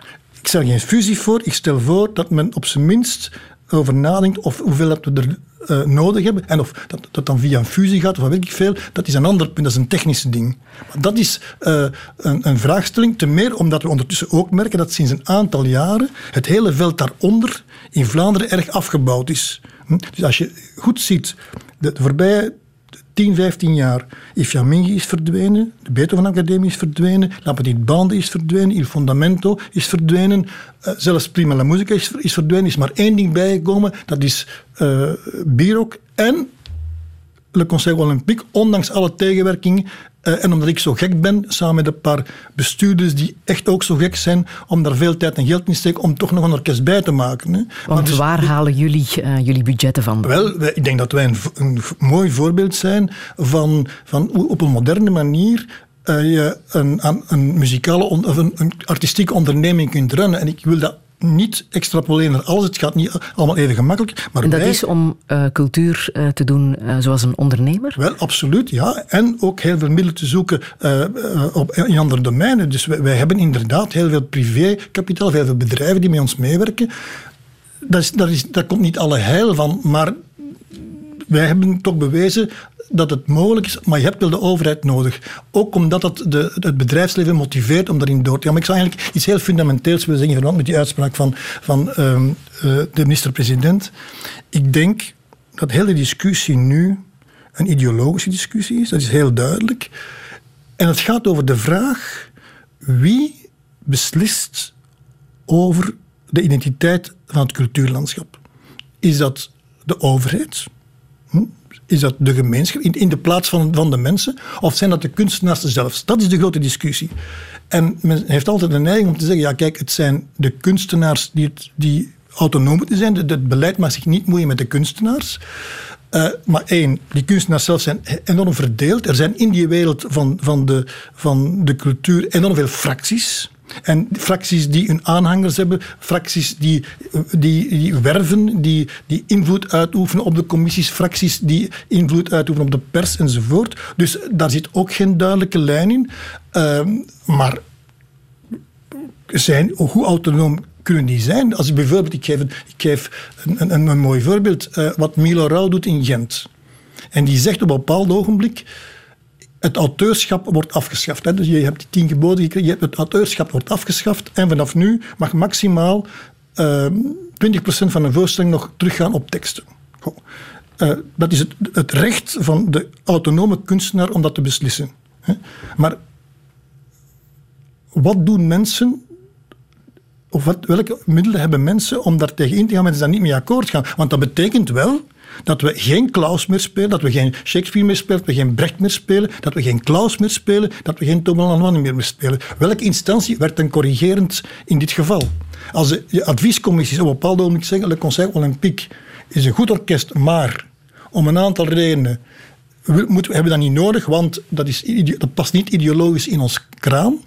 Over welke middelen beschikt je dan om daartegen in beroep te gaan, om daartegen te verweren? Die heb je niet. Dus met andere woorden, dan, dan is de enige mogelijkheid dat de politiek daar wel op een of andere manier in naam van, de, van het publiek, in naam van de, van de, van de consument invloed op uitoefent. Dat is, ik vind dat een moeilijk evenwicht tussen die, tussen die beiden. En dat is precies het spanningsveld dat nu naar boven komt. Mag ik even een parallel trekken met uh, Beethoven? Stel dat Beethoven de mecenas Karel von Lichnowsky nooit had uh, gekend, dus geen dak boven zijn hoofd had gekregen in Wenen, niet de kans had gekregen om in salons op te treden hm. voor een interessant publiek, geld had gekregen van de man om maandelijks rond te komen, dan hadden we allicht nooit van Beethoven gehoord. Zo is dat. En dat is natuurlijk ook de grote verantwoordelijkheid van alle mensen die met kunst te maken hebben, zowel de overheid als ook sponsoren enzovoort, dat het zijn zij die er moeten voor zorgen dat er binnen 200 jaar nog over Beethoven gesproken wordt. En het merkwaardig is,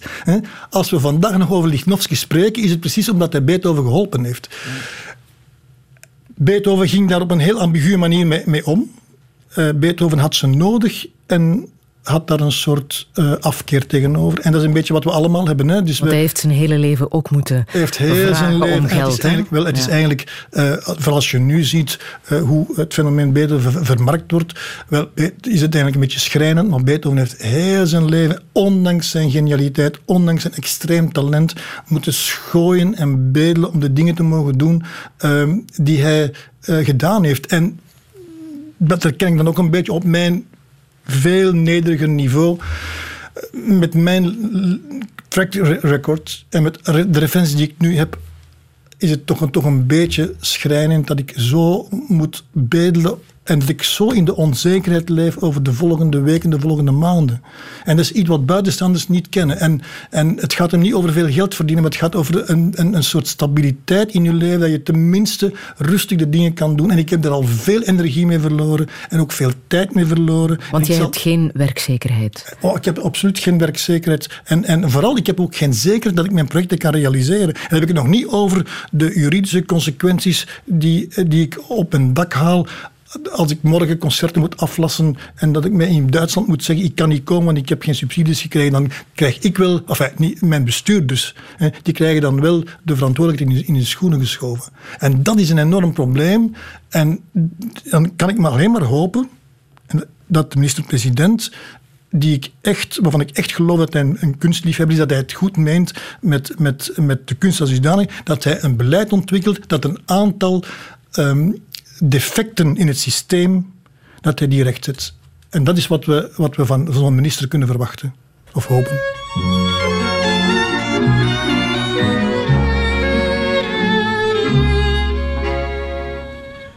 Woens amoi in Himmel schauen, dies wär so was für Ina.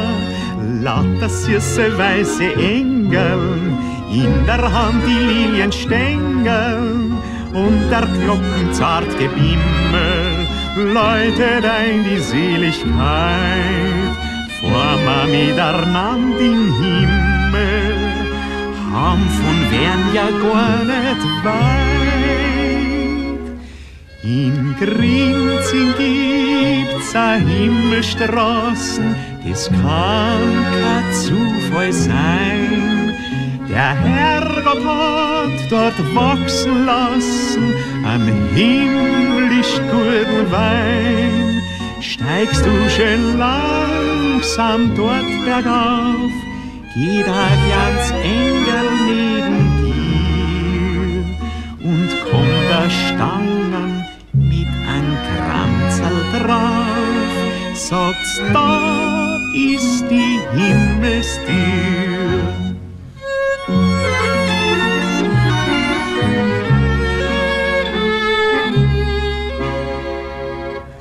Hollera, ich bin schon da.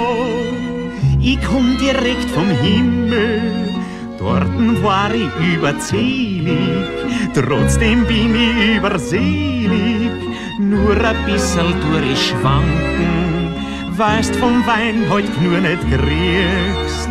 Und wann schwer sind die Gedanken, hat man mit die Fürs erquickst. In Grinzing gibt's a Himmelstraßen, das kann kein Zufall sein. Der Herrgott hat dort wachsen lassen, am himmlisch guten Wein. Steigst du schön langsam dort bergauf, geht a ganz Engel Stangen mit an Kranzel drauf, sagt's, da ist die Himmelstür. Een prachtig Weens lied. In Grinzee gibt's eh, Gimmelstrassen, gezongen door Erich Koens. En je stond erop dat het deze versie was en geen andere. Want dit, Jan Kaiers, noem jij de essentie van jouw leven. Ja. Dat moet je even uitleggen. Ja, ik zit hier met tranen in mijn ogen nu. Hè. Eh, mijn vader heeft eh, een moeilijke oorlog gekend. In die zin is gedwongen geworden om als 18-jarige jongen eh, naar Wenen te gaan om daar te gaan werken voor de Duitsers. Dat was een heel zware tijd. Het was geen concentratiekamp, maar dat was wel een heel zware tijd. Maar die had dan één dag vrij, geloof ik, en dan ging mijn vader altijd naar de Prater. En de Prater is het park ten noorden van Wenen. Eh, het vroeger jachtgebied van de keizer. eh, een soort, eh, nu is het een domein waar, waar verschillende, waar ook nu is dat een pretpark geworden, maar, maar vroeger was dat, waar, daar stonden daar paviljoenen en, en caféhuizen enzovoorts. En dan in die caféhuizen zaten dan zogenaamde schrammel, zat een schrammelorkestje.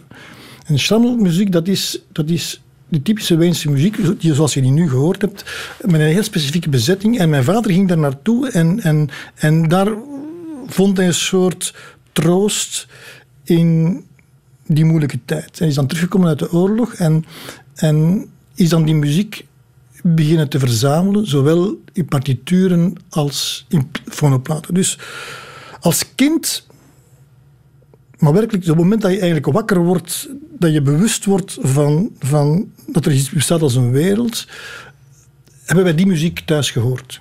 En specifiek dan nog met Erich Koens, die dan met deze opnames, met dat soort opnames, eh, eigenlijk toch weer gemaakt. Erich Koens was de grote eh, bariton aan de opera van Wenen, maar echt een Weense zanger.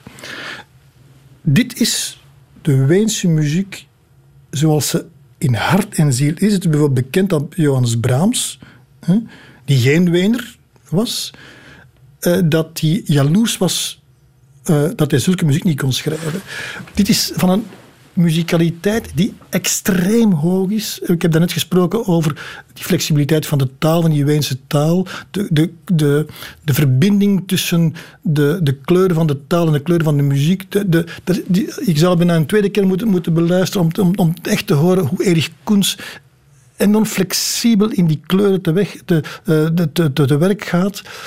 En goed, dat is dus de muziek die wij thuis hoorden en ook speelden. Dus lang voordat het nieuwjaarsconcert in was, hè, maakten wij thuis bewerkingen van die, die en speelden we dat met mijn broers eh tezamen.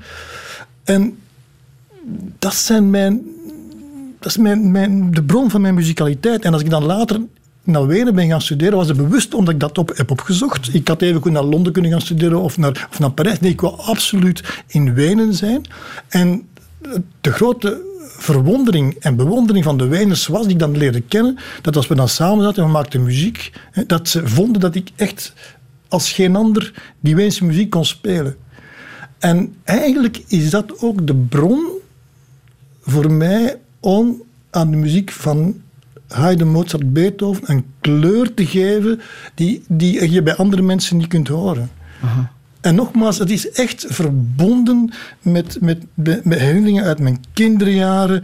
de, ook de intacte wereld. Hè. Als kind, wij hadden thuis wij hadden een enorm warm nest. Mijn vader was een charismatische figuur die ons enorm graag zag. Dus wij waren overbeschermd. En dat gevoel van de harmonie van de kosmos is verbonden met deze weer opnieuw verbinding tussen melancholie en schoonheid. Mm. Dat is mijn muziek. En Wenen is ook jouw tweede thuisstad, denk ik. Hè?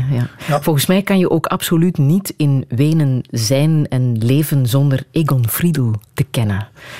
En ik wil jou hier even officieel bedanken voor dit prachtige tweedehands eh, exemplaar van uh, Cultuurgeschichte de Neuzeit. Ja. Een heel belangrijk en bijzonder boek voor jou, dat je mij cadeau hebt gedaan trouwens. Um, waarom is dit boek uh, van Egon Friedel zo, zo belangrijk? Omdat het zo weens is. Dus dat is een, een overzicht van de cultuurgeschiedenis van de late middeleeuwen tot, tot uh, einde van de 19e eeuw. Uh, in een paar duizend bladzijden. Uh, Egon Friedel was een typisch exponent van het Wenen van 1900.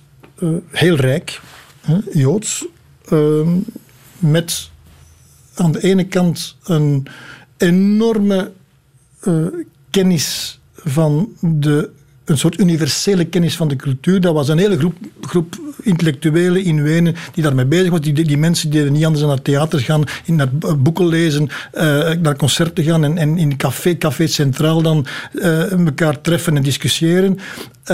Dus aan de ene kant heb je dus die enorme kennis, die encyclopedische kennis van het hele culturele landschap. En tegelijkertijd een, een soort anarchistische benadering ervan. Een niet-academische benadering van geschiedenis. Want wat is het punt? En, en Friedel schrijft dat in zijn inleiding heel mooi. Hij zegt van ja, kijk, er zijn, als je uh, tegenwoordig iets wil poneren.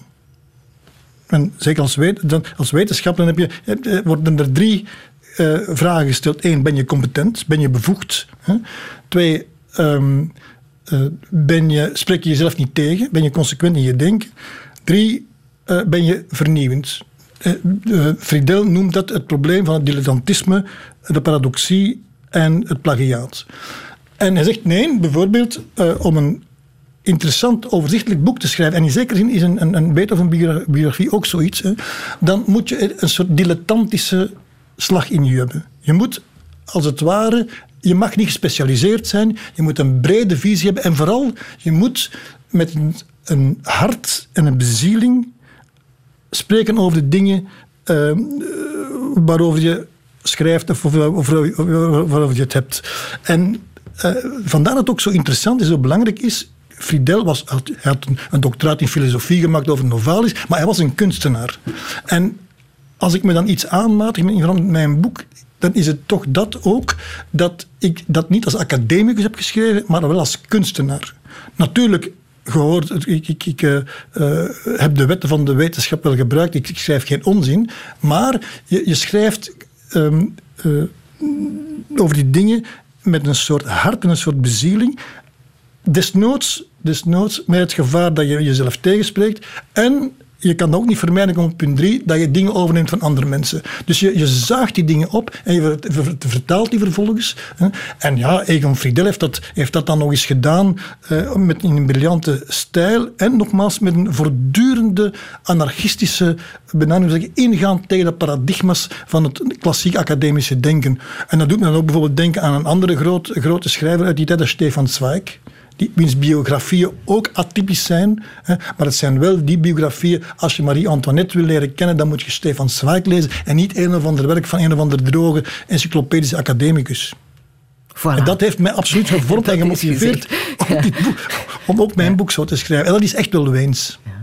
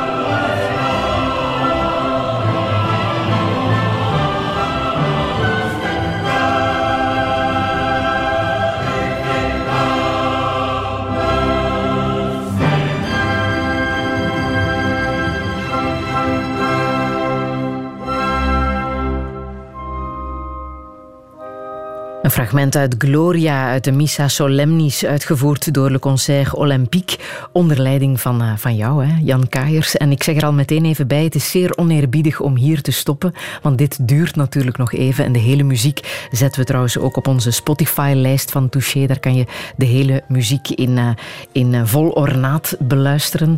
Um, hoe bijzonder voor jou is het om dit nu te horen? Ja, ik denk te mogen zeggen dat uh, de uitvoering van de Missa Solemnis de, het, het, voorbije jaar tot nog toe zeg maar, het hoogtepunt van mijn carrière is geweest. In die zin dat de Missa Solemnis het belangrijkste werk van Beethoven. Zonder meer heeft dat ook al het zelf gezegd. Dat is een soort synthese van alles wat hij zowel als intellectueel als muzikus en als mens in zich had, heeft dat allemaal daarin gezet. Uh, het is een heel complex werk, het is een heel weerbarstig werk. De meeste dirigenten hebben er angst voor. Uh, omdat ze zo weinig overzicht ervan krijgen, zo weinig greep op krijgen. Ik zelf heb het vroeger al een keertje eh, gedirigeerd, twintig jaar geleden, in het kader van het Festival van Vlaanderen. Maar ik heb het nu opnieuw aangepakt en ik heb echt zes maanden uitsluitend met dat stuk geleefd, van s morgens tot s avonds. Ik kende het helemaal van buiten, van voor naar achter, van achter. Ik kon het, bij manier van spreken, uh, ik kon het terugbrengen tot één seconde. Ik kon zo gecomprimeerd in mijn hoofd hebben dat ik, de, dat ik de, de, de tijd kon omzetten in ruimte. En goed, wel met, met uh, Le Concert Olympique, dat dan toch mijn instrument, het verlengde is van mezelf, met het Arnold Schoenberg koor in Wenen, dat eigenlijk een van de beste koren van Europa is, en dat dat met Harnoncourt heel veel gedaan heeft, eh, en waar ik zelf heel veel mee werk. Dus met die, met die mensen heb ik dan datgene wat ik daar zelf mee verworven heb, kunnen omzetten, onder andere dan ook het fameuze concert dan in de, filharmonie van, de grote zaal van de Philharmonie van Berlijn. Nog een mythische zaal. Belgische koning en koningin waren trouwens nog ook aanwezig, wat dan nog een extra charme gaf. Maar goed, dus in staat zijn om het gevoel te hebben dat je dit werk onder controle hebt. Dat is voor een dirigent, of dat je ongeveer dat je ongeveer de waarheid daarbij hebt. Je hebt dat niet helemaal, want misschien dat ik binnen 10, 20 jaar nog een stap verder sta. Maar ik had toch wel het gevoel van, ik heb dit onder controle. deze auto kan snel rijden en zal niet uit de bocht vliegen. Dat gevoel gaf mij zo, gaf dat, ja, dat gevoel gaf mij toch het vertrouwen van, ja, ik heb de voorbije 30 jaar een weg afgelegd die tot iets geleid heeft. Ook effectief, om dat met mijn eigen orkest te kunnen doen. Dat gaf zo een, een gevoel van vertrouwdheid een dicht zijn bij Beethoven, Um, ja, waarvan ik vind, dit, dat is een, een, een, een sacraal moment in mijn leven. Wat zegt dit over de religieuze achtergrond van Beethoven? Uh, twee dingen. Eén, dat Beethoven een diepgelovig man was in de abstracte zin van het woord. Beethoven geloofde echt dat er een hogere dimensie was in het leven, een hogere zin was aan het leven. Uh, zijn godsbegrip uh, was niet het klassieke godsbeeld van, van, van de lange, man met de lange baard in de hemel. Um, uh, nee, Beethoven gelooft in een soort opperbouwmeester van het heelal, hoe, opperbouwmeester van het heelal, of hoe je dat ook wil noemen, dus een, hogere dimensie. Um, en ja, zag daarin ook de zin van het leven. Tegelijkertijd zijn er ook in die mis heel wat referenties naar de kerk toe, heel kritische momenten. Uh, zit vol met, met er zitten een aantal, een aantal steken onder water. Als het vooral gaat in, het, in de, de, de gedeeltes, Gloria en Credo, die gaan over de leer.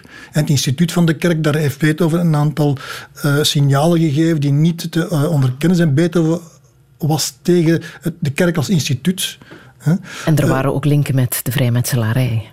Ja, in dit stuk nu, in dit stuk nu niet. Hè. Maar in zijn uh, leven. Maar in zijn leven, ja, maar toch niet zo, niet zo als, bij, als bij Mozart. Dus we, dat is een, een, een, een, blijft een omstreden punt. Beethoven is zeker in de beginjaren van zijn, van zijn carrière, toen nog in Bonn zat, uh, intellectueel uh, beïnvloed geweest door de Illuminaten, die daar toen echt wel massaal aanwezig waren. Zijn, zijn belangrijkste leraar, Neven, was een van de, van de grote mensen met Illuminaten. Hij heeft Beethoven toch wel in een bepaalde richting geduwd, maar we weten ook wel dat Beethoven nooit lid is geweest.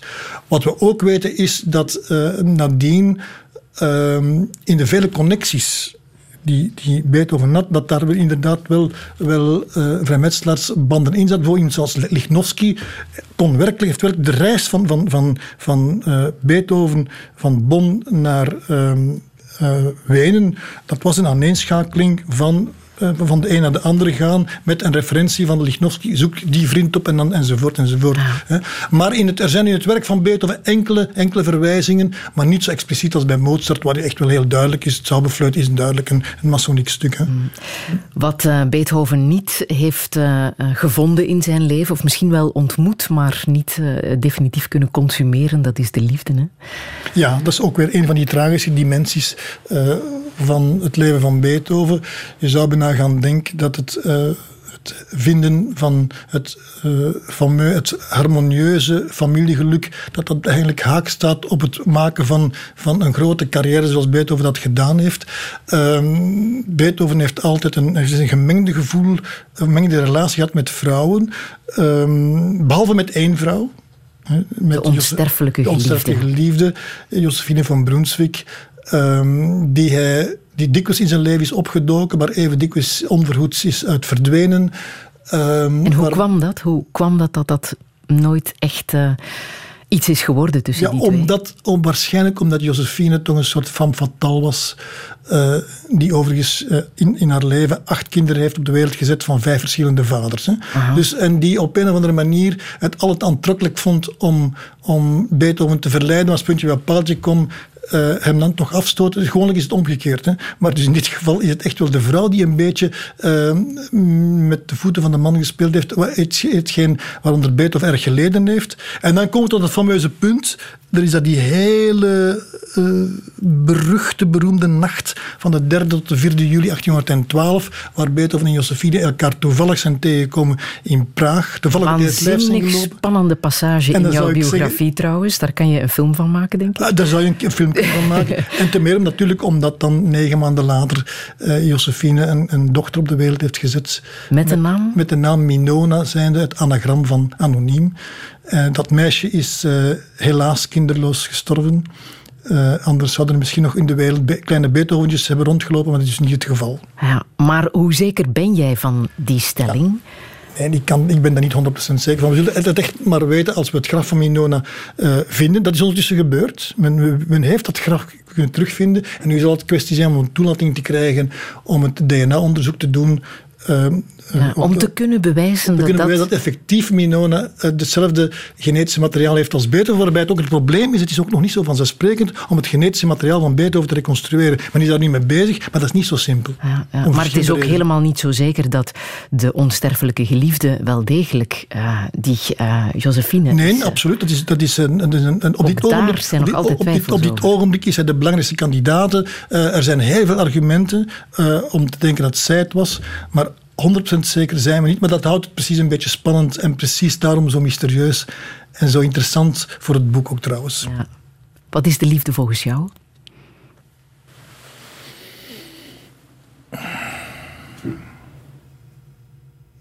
Een soort onvoorwaardelijkheid waarmee je de andere laat zijn wie ze is in dit geval, of in dit geval de kinderen zijn. En uh, dat blijft altijd een andere persoon, maar toch het vermogen om met elkaar extreem geconnecteerd te zijn. Ja, zoiets. Mm -hmm. Zeg je met een filosofische blik? Nee, ik, ik, ik weet, de, de vraag overvalt me nu uh, een beetje. Uh, maar ik zou zeggen, ja, een soort um, onvoorwaardelijkheid. Pijn in de buik krijgen omdat de andere lijdt. Mm. Als mijn kinderen uh, ongelukkig zijn omdat ze iets zijn tegengekomen, een slecht examen of weet ik veel, dan ben ik ziek. Mm. Wat is er van hen geworden ondertussen?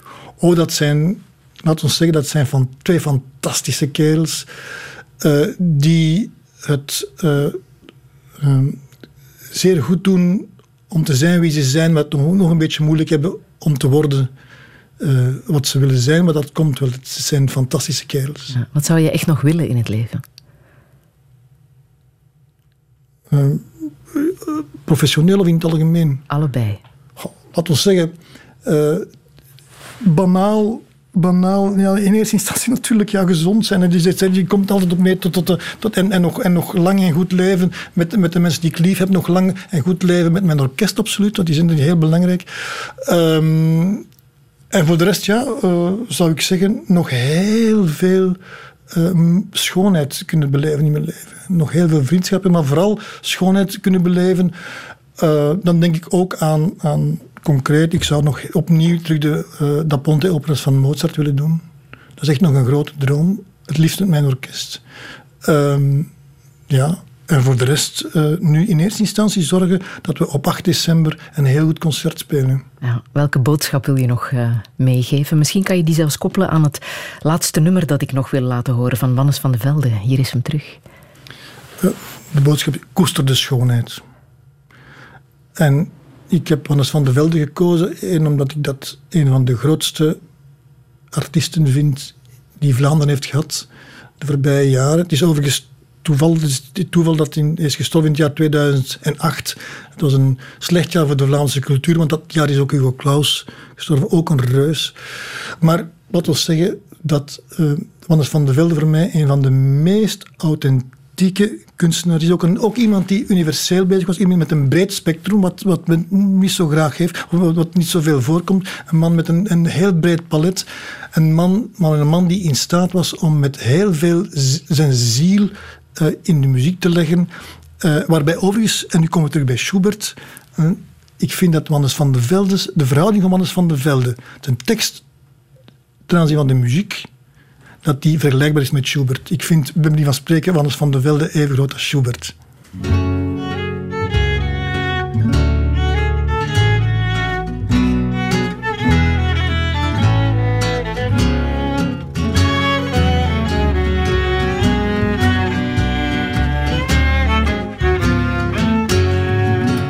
Ik heb lange tijd bekend draaijaar niet meer gezongen. Niet meer gedreven op de vleugels van de ziel. Ik heb hem gemist, de rang, de klank van volle longen. Met een asem die kan draaien like je wil. En ik heb gewacht en veel gedacht en veel gezwegen. Omdat ik wel moest, mijn bloed was meug, was uitgeteld. Maar dat is voorbij, ik kon weer verdwalen langs de wegen. Met mijn gitaar, ik heb er te lang niet op gespeeld. Hier is hem terug, hier is hem terug. Met zijn moed en zijn twee handen. Hier is hem terug. Hier is de zanger met zijn stem en zijn verhaal. De muzikale Don Quixote der liege landen. Op zijn duurtocht langs de wegen van de dal.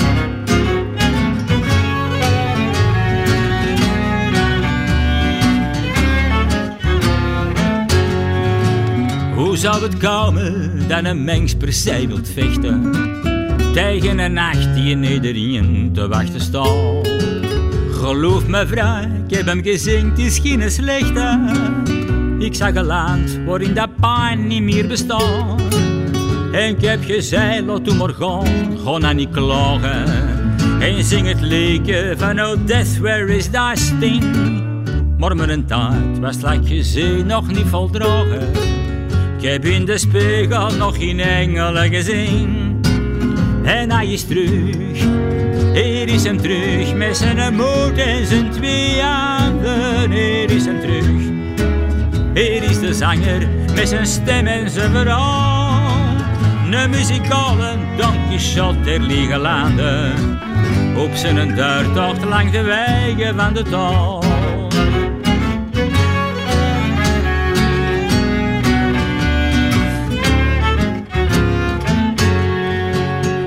Een gaat dood, zo goed als dat hem wordt gebouwd. De boot lijkt leer en de machines zijn gesmeerd. Ach, je me is er dan zoveel om verloren? En is dat leven al die nobele moeite waard? Dan zeg ik ja, al kunt er anderen zou verbazen. Deze mirakel wordt hij weer zijn in. Hier was hem inderdaad even terug. Hè. Wannes van de Velde, dankzij jou, Jan Kaiers. Ik wil je bedanken voor het uh, heel fijne gesprek. Alle info is na te lezen op onze website radio1.be. Daar kan je ook herbeluisteren of de podcast activeren. Volgende week verwacht ik hier voetbalvoorzitter en noem hem ook maar gerust belpop-producer Louis de Vries. Radio 1